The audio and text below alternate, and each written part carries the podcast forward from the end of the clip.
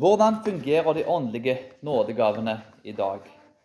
Eh, nå er det ikke sånn at jeg velger tekster sjøl. Vi, har jobba med Korinterbrevet, og vi kommer der vi kommer. Og En ting vi gjør som menighet, er at eh, vi prøver så godt vi kan, til tross for våre feil, å forkynne hele Guds råd. Så Det betyr at eh, en, en forkynner alle tekstene i Bibelen. Da. Det tar kanskje 20 år da, å komme gjennom alt. Men, men da, da, så en må inn på alle tingene. Og husk Der jeg kom fra, der på Karmøyene, så var det derfor ikke uvanlig at en, eh, når det kom til litt, litt, ting som kanskje var litt mer kontroversielle, så inviterte en en gjestetaler. Og Han kom inn, forkynte, og hvis ikke folk var fornøyde, da, så tror jeg ikke invitere den personen igjen. Men de som var igjen, da, de kunne liksom reparere skadene da, etter det som ble forkynt. Så Det var en sånn, eh, sånn luretaktikk. da, Der fikk eh, pastoren i kirka fikk litt oppgave med å reparere ting. liksom Ikke kaste inn dynamitten og ødelegge ting. Nå er det sånn at Når det kommer til dette evnet her, så, så er det jo altså dette, dette, er ikke et kjernespørsmål i troen. Så det går også an for folk å ha ulike syn, ulike perspektiver, uten at det nødvendigvis eh, bør føre på noen slags måte til at folk ikke elsker hverandre og tolererer hverandre. Så Det er ofte tre kategorier med spørsmål. altså Jesus Gud er jo første prioritet. Eh, nummer to kan kanskje være spørsmål om dåp. Og det var kanskje spørsmål om nådegaver. da, så i fall For min del går jeg i, i en tredje kategori. Altså En, en, en, kan være en god kristen og, og dele ulike perspektiv på disse tingene.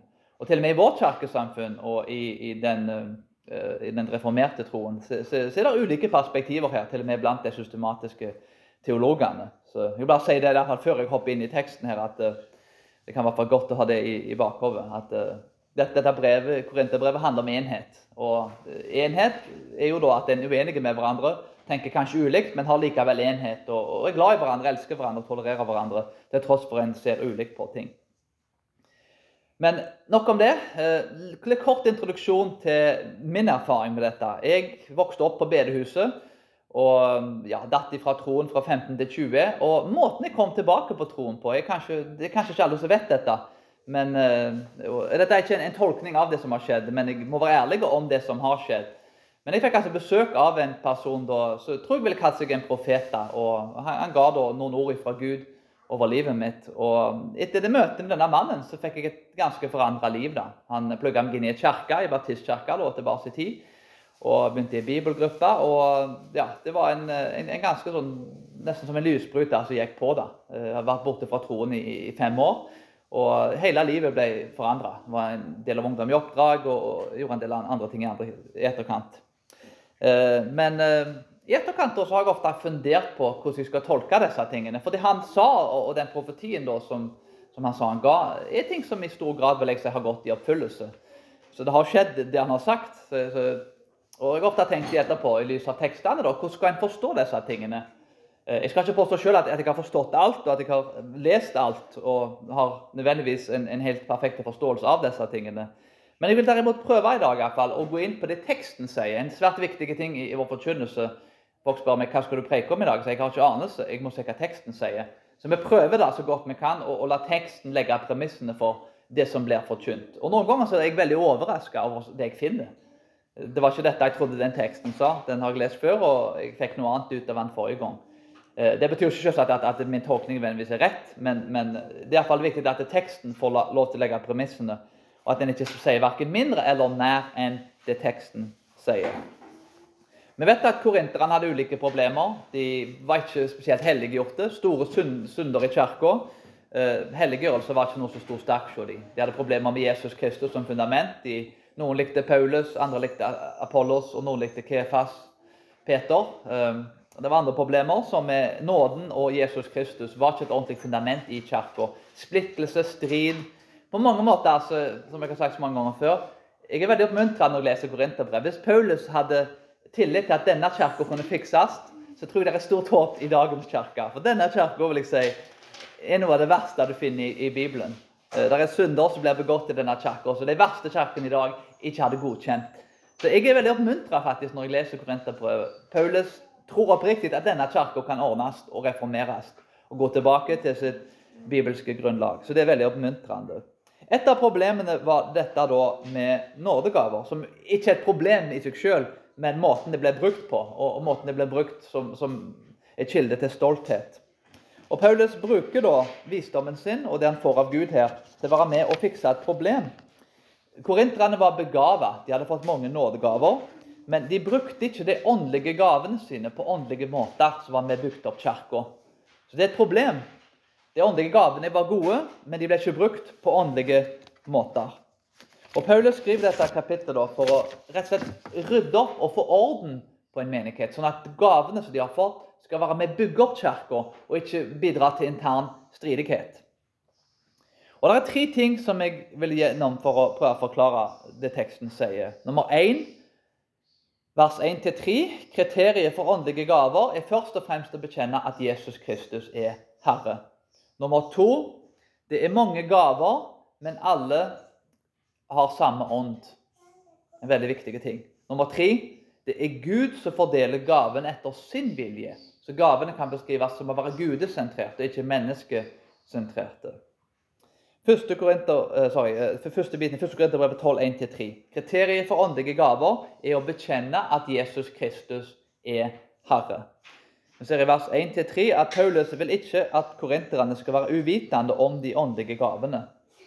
Mens de var hedninger, ble dere tatt og dratt og revet ned av stumme avguder, en av tingene som Paulus sier. Paulus sier at ingen som taler Guds ånd, uh, kan si at Jesus er forbanna. Og ingen kan si at Jesus er herre uten Den hellige ånd.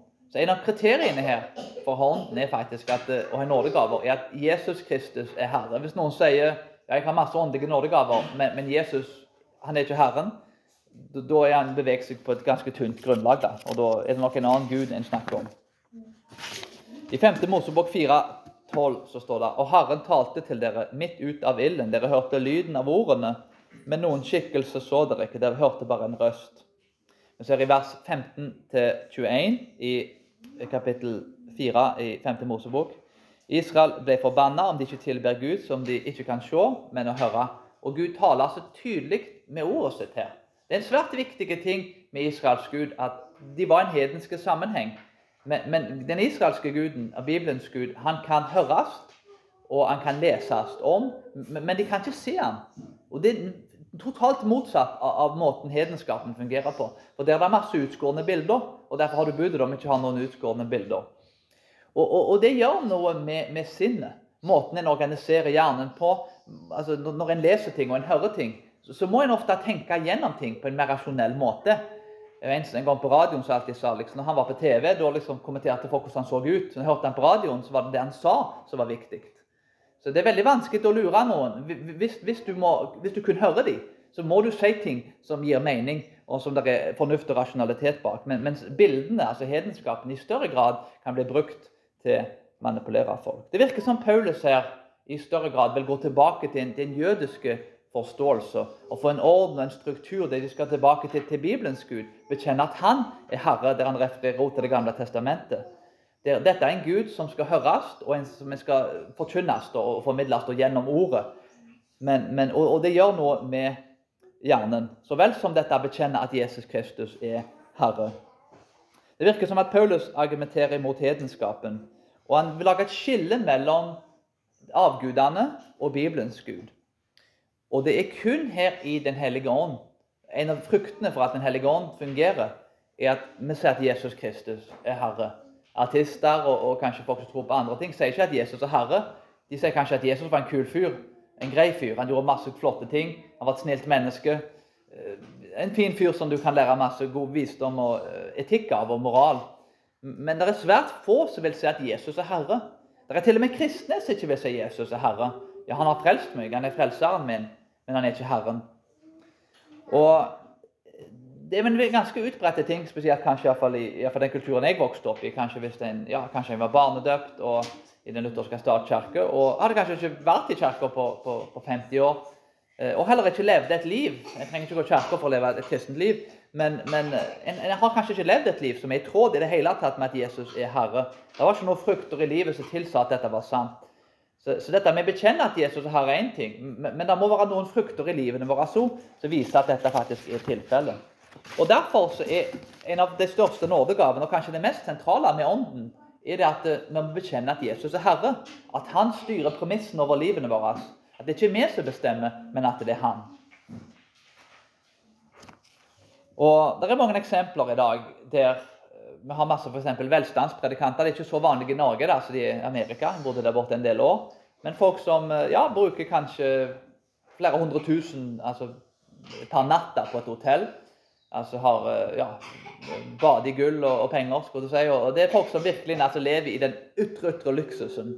Og, og, som da på mange måter sier kanskje da, ja, jeg tror på Jesus, og han, han styrer livet mitt. Mens livet deres tilsier noe helt annet.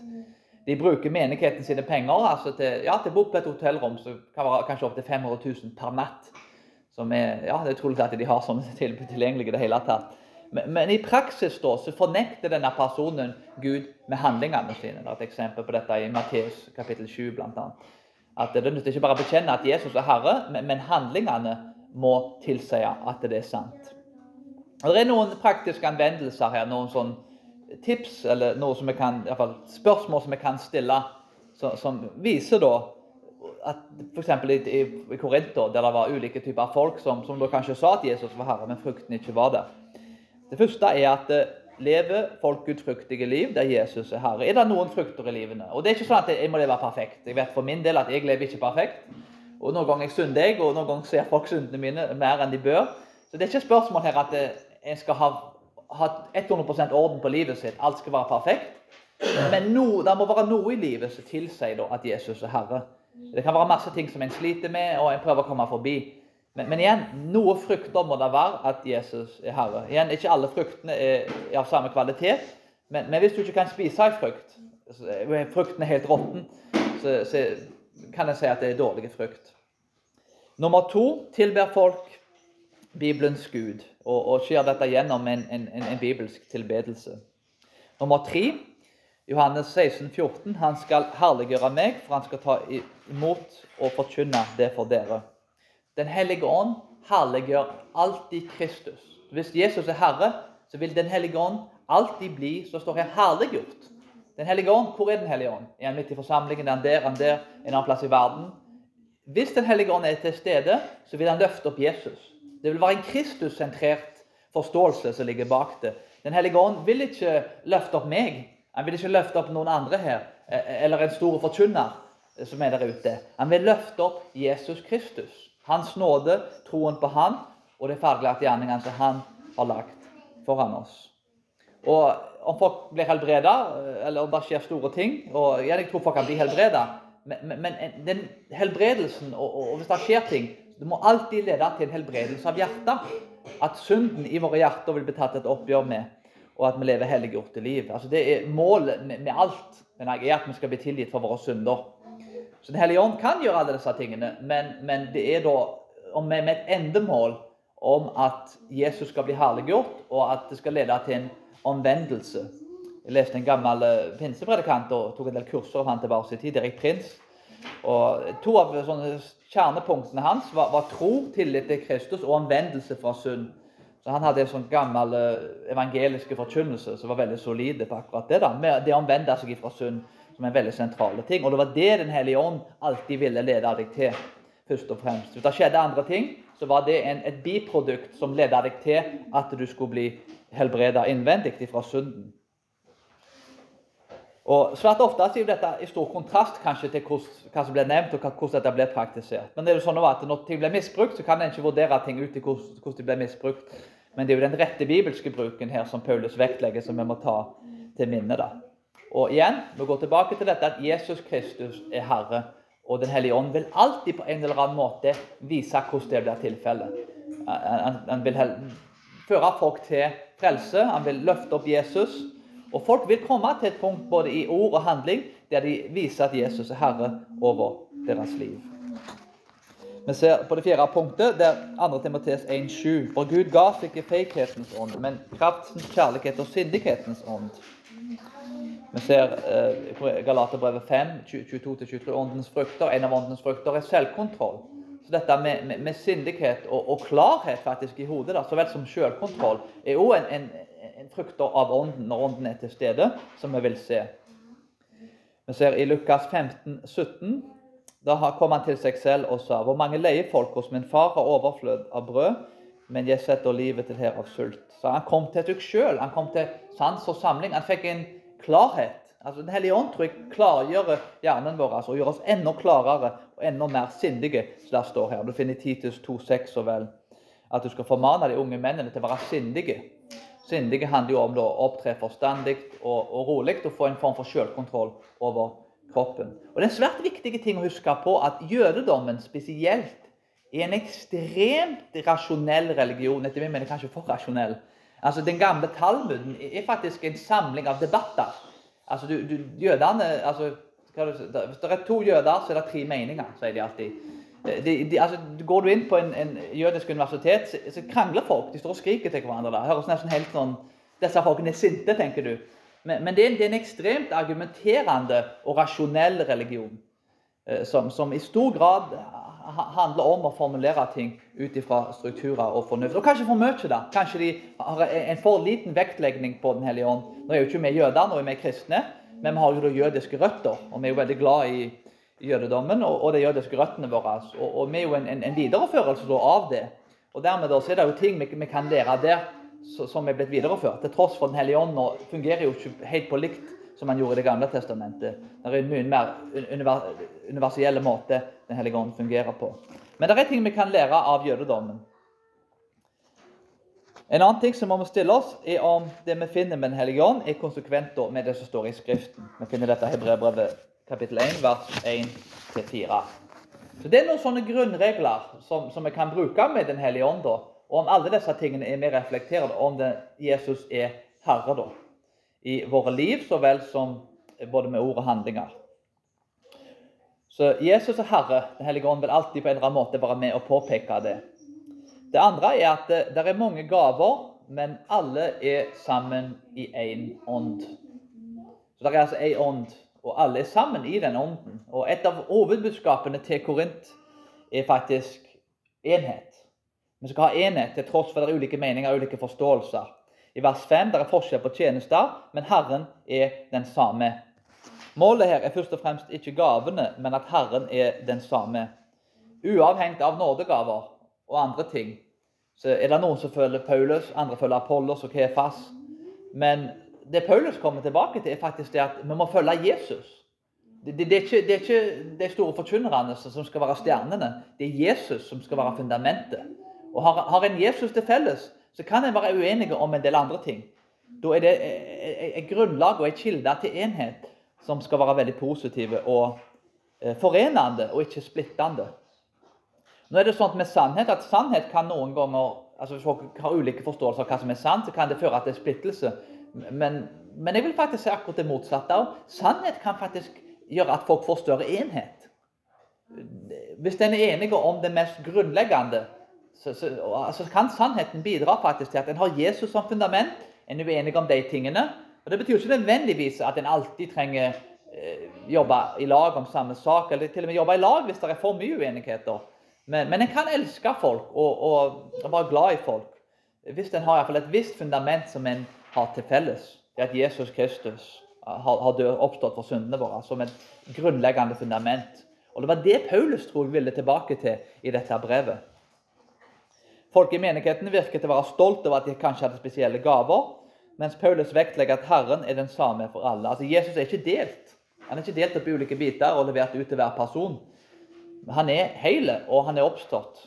Og han er fundamentet som gir enhet til kirka. Vi ser i vers 6 at det er forskjell på kraftige virkninger, men Gud er den samme. Det er Han som har virka i alle.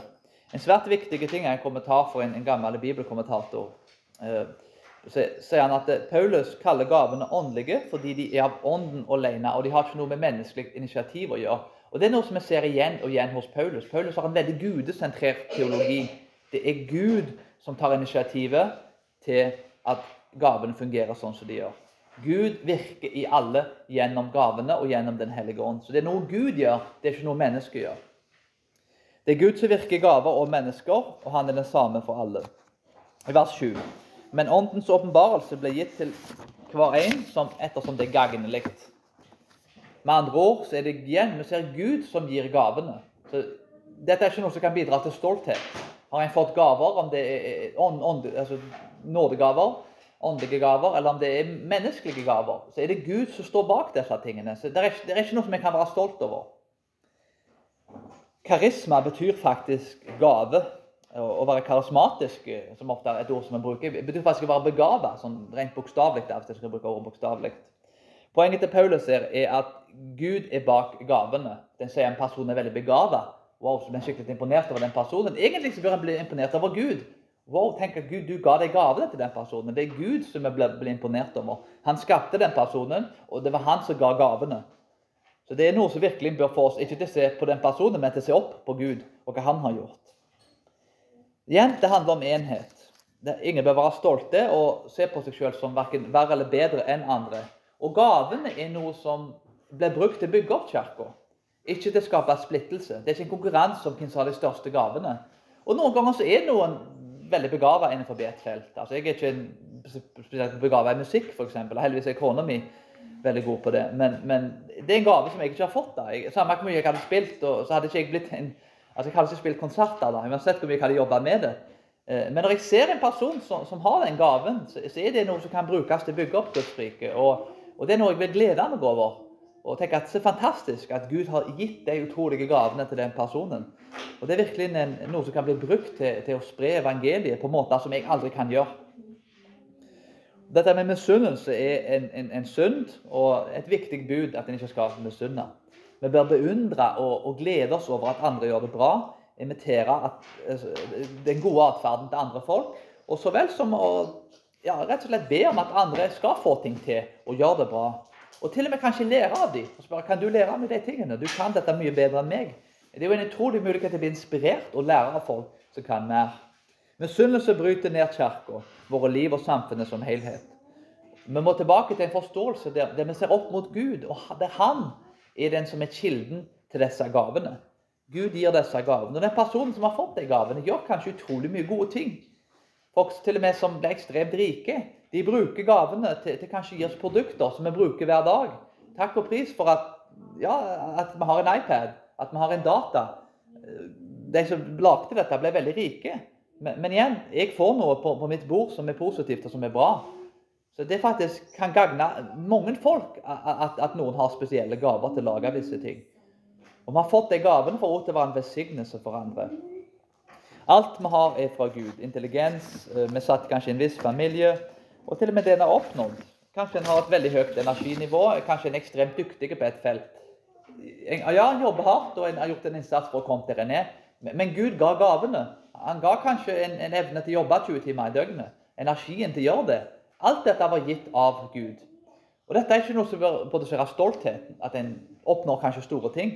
Det er noe som bør produsere ydmykhet og takknemlighet til Gud, at han har gitt oss alle disse tingene.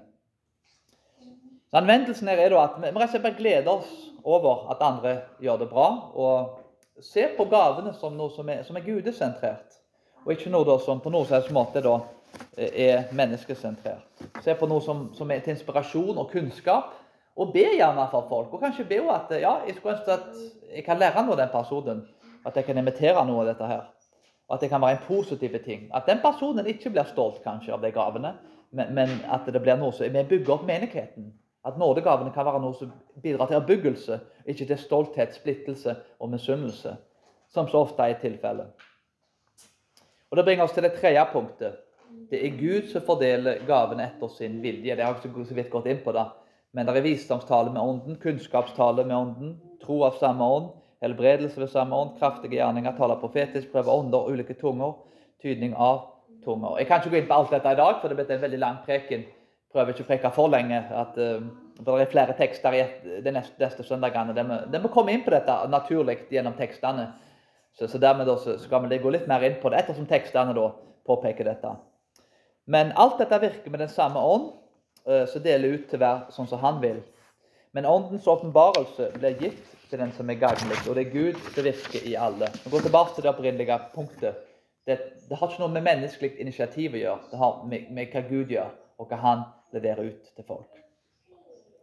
Og Ut ifra hvordan jeg leser teksten, i fall, så, så, virker det i stor grad, iallfall her eh, De andre tekstene så det kommer igjen på i etterkant, men akkurat i disse tekstene og, og med, henvisning til disse gavene, så virker det som det er Gud som er virkningen, og som fungerer i gavene. Og Ofte når en hører debatter om dette, så er det her faktisk debatten mye ligger.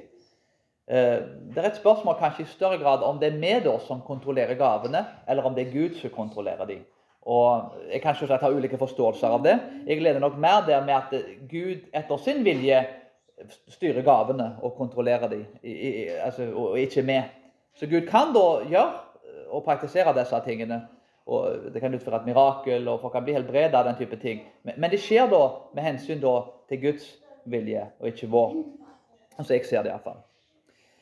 Og hva mener jeg egentlig med det? Ehm, det betyr i stor grad da f.eks. at ehm, Hvis du har lest den uh, 'Seeking Allah, Finding Jesus', Nabil Qureshi, uh, fikk en drøm om Jesus. og veldig, Han døde av kreft, faktisk. Jeg traff faktisk han i England. En veldig flott, ydmyke kar.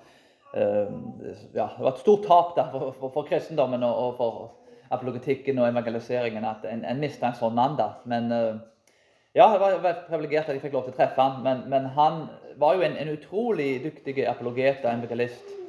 Men han kom til tro altså, gjennom en drøm, blant annet. da, ikke bare det. Men han så Jesus i en drøm. Jeg tror det var en eller to drømmer. Men i etterkant, da Mange muslimer får drømmer om Jesus i Midtøsten. I etterkant så, fikk han tak i en bibel og, ble da leder til Kristus. Og I etterkant så tror jeg ikke han fikk noen drømmer. Men drømmen ble brukt som et middel til å lede han til Bibelen. Han var i en kontekst sikkert der han trong det. Og i mange land i Midtøsten så er det ikke lov å lese Bibelen. I mange jungler og mange farlige plasser i verden, i kommunistland, så har du faktisk ikke lov engang til å åpne en bibel. Og i, i de sammenhengene i enda større grad selvsagt, enn en, en, en her. Han, han, Nabil vokste opp i Amerika, da han var ikke i Midtøsten. men men, men så, så, virker det som at åndene får en ekstra sterk manifestasjon. Men i etterkant så blir folk ledet til Bibelen. Og, og de får eh, i, i større kanskje mindre av de tingene i etterkant. Så Det er noe Gud kan bruke, men jeg ser det kanskje mer på som et, som et unntak enn som en regel. Vi har profetien til Jan Hus, som jeg delte tidligere. Jan Hus da var en, en tidlig reformator da, som var for før Luther.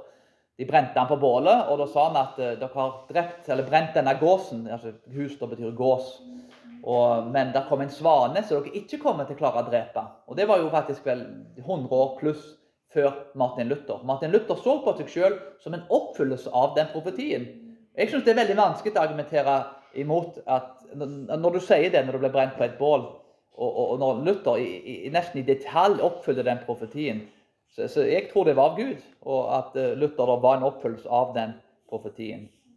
Uh, så jeg tror nok at Gud kan bruke profeti i dag, men, jeg tror det er noe som blir brukt kanskje som en mer kanskje som et unntak enn som en regel. og det er noe i større grad ord som, som kanskje enda større grad på misjonsfeltet spesielt. Jeg jobber som misjonær en del år. Det, ble, det, virker til å være enda mer virksomt på misjonsfeltet, der folk har mindre tilgang på kirka som institusjon, og så vel som en bibel og på evangeliet. Eh, så, så, når folk får etablert seg mer, så virker disse tingene i kirkehistorien i større grad til, til, å forsvinne. Sånn var det i kirkehistorien nå. Når Det nye testamentet ble skrevet, så, så, så hadde de ikke altså, eh, de hadde ikke brevene. Vanlige mann hadde ikke tilgang til Bibelen. Det tok mange år før kanonen da, i Bibelen ble stengt. Og, og dermed eh, likte Det gamle testamentet. Det var år 435 rundt der, eller kanskje litt i etterkant. Der, der det ikke var profeter.